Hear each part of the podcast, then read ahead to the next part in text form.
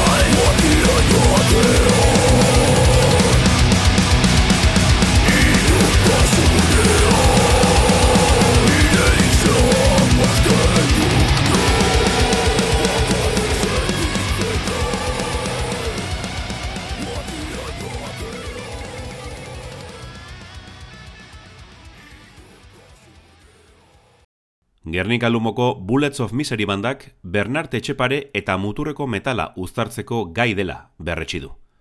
Debile principium melior fortuna sequatur izenburua du euren lanik berrienak. Linguae baskonun primitiae euskarazko lehen liburuaren azken esaldia da. Gainera, Juan Pérez Lazarraga poetaren euskara darabiltea bestietan. Bullets of Misery, arranguren korridorean.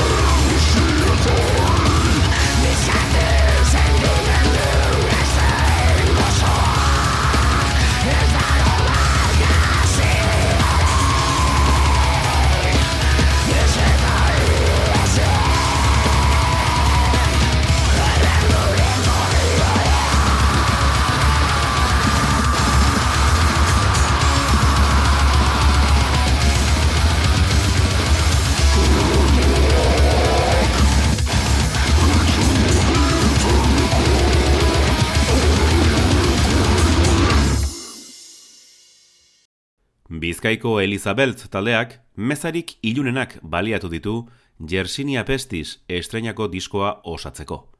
Shock rock fenomenoa gurera ekartzen azkenak izan dira, aurrez besterik bada. Mamu jakinen eragina ahaztu gabe, iruditeria propioa eraiki dute, eta ikuskizun bihurtu euren emanaldi bakoitza. Berbaren eta irudiaren garrantzia ondo barneratu dute. Elizabeth, solbe et coagula.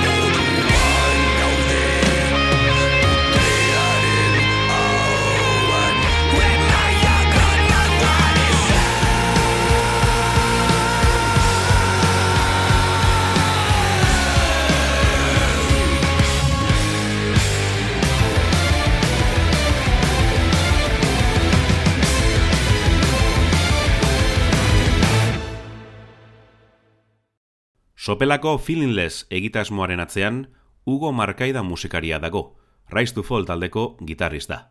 Animalien eskubideak babesteko helburuarekin abiatu zuen bakarkako proiektua, eta lusuzko kolaborazioekin jantzi du Metal Against Animal Cruelty lana. Markaida ez da mugatu horren ondo lantzen duen melodez doinuetara. Feelingless. Hope. Christian Albestamen parte hartzearekin.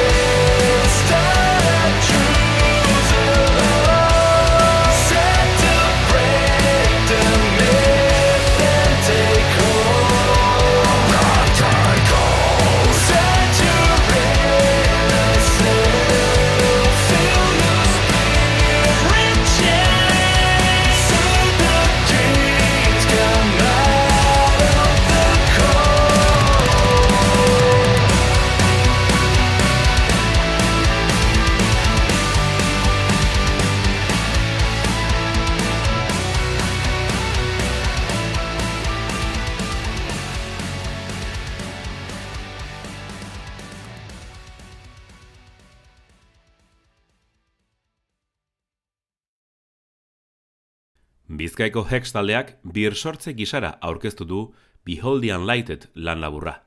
Boskoteak amiltzea erabaki du, eta argitasunik gabeko zulo sakonetik Death Doom metala atera dute. Gordina, pisutsua eta makurra da hiru abestirekin islatzen dutena. Egonkortasunaren bidetik iritsiko dira konposizio berriak, eta orduan jakingo dugu amiltzeak zer gehiago dakarren. Hex, Impending Doom Towards Darkness.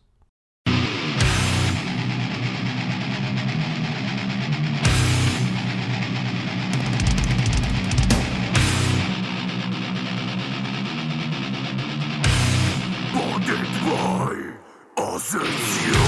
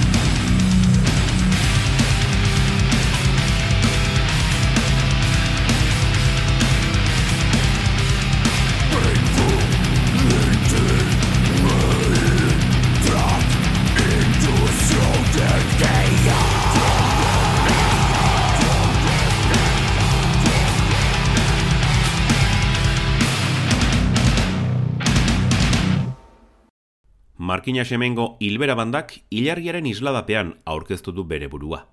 Oinez hasitako bidea ezkorra dirudien arren, baikor izateko arrazoiak ere badirela diote mundu galdua estraineko lanean. Bitxia bezain erakargarria da musikalki aurkeztu dutena. Metal klasikoaren eta modernoaren arteko zubi berezia erabili dute, eta entzuleek igaro beharrekoa da.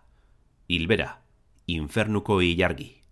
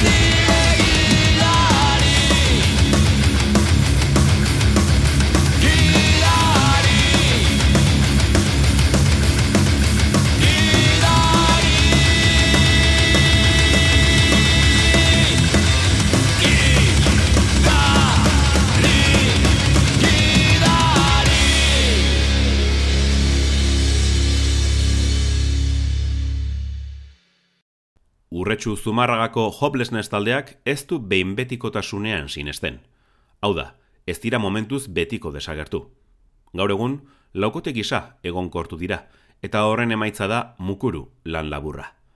Urrun geratu da, 2000 eta bostean argitaratu zuten aurreneko diskoa, baina euren Death Doom Metal melodikoak oso bizirik jarraitzen du. Hopelessness, Plenum Vacuum.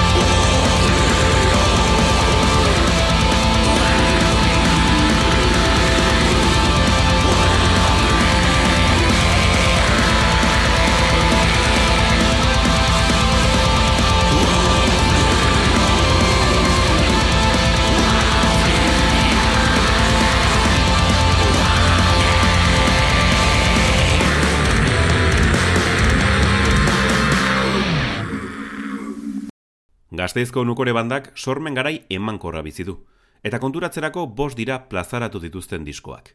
Getting Lost izenekoa da berriena, eta aurrekoaren evoluzioarekin bat egiten du. Izan ere, numetala saltoka jotzeko elkartu ziren, baina denborarekin jarkorearen eta crossoveraren bila joan dira. Ondorioz, abesti zuzenagoak lortu dituzte. Nukore, farmafia.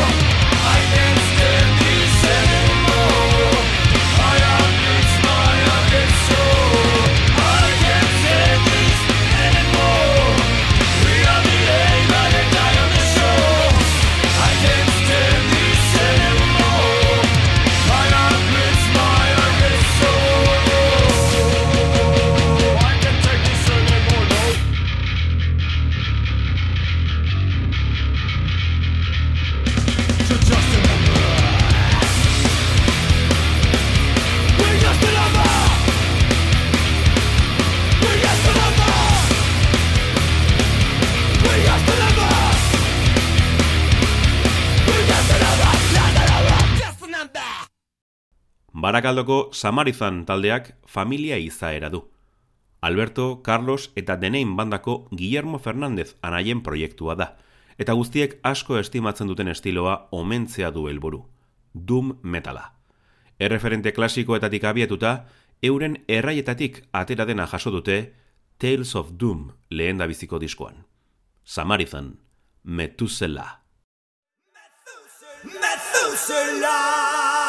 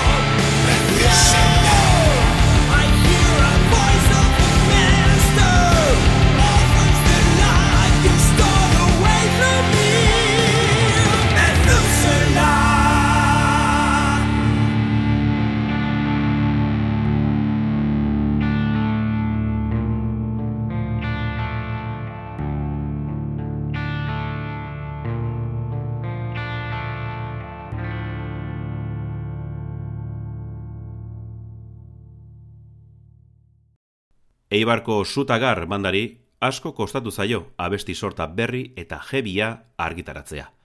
Itxaronaldiak luze jo badu ere, alarma lanarekin, zale askoren grina, ilusioa eta nostalgia piztu dute. Direna baino askoz gehiago ezin dute eman, eta hori da nahi duguna.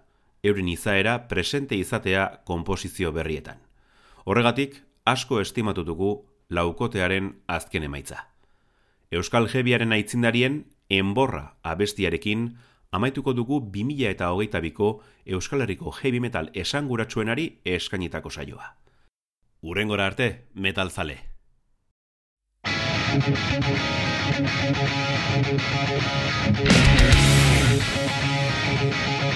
Thank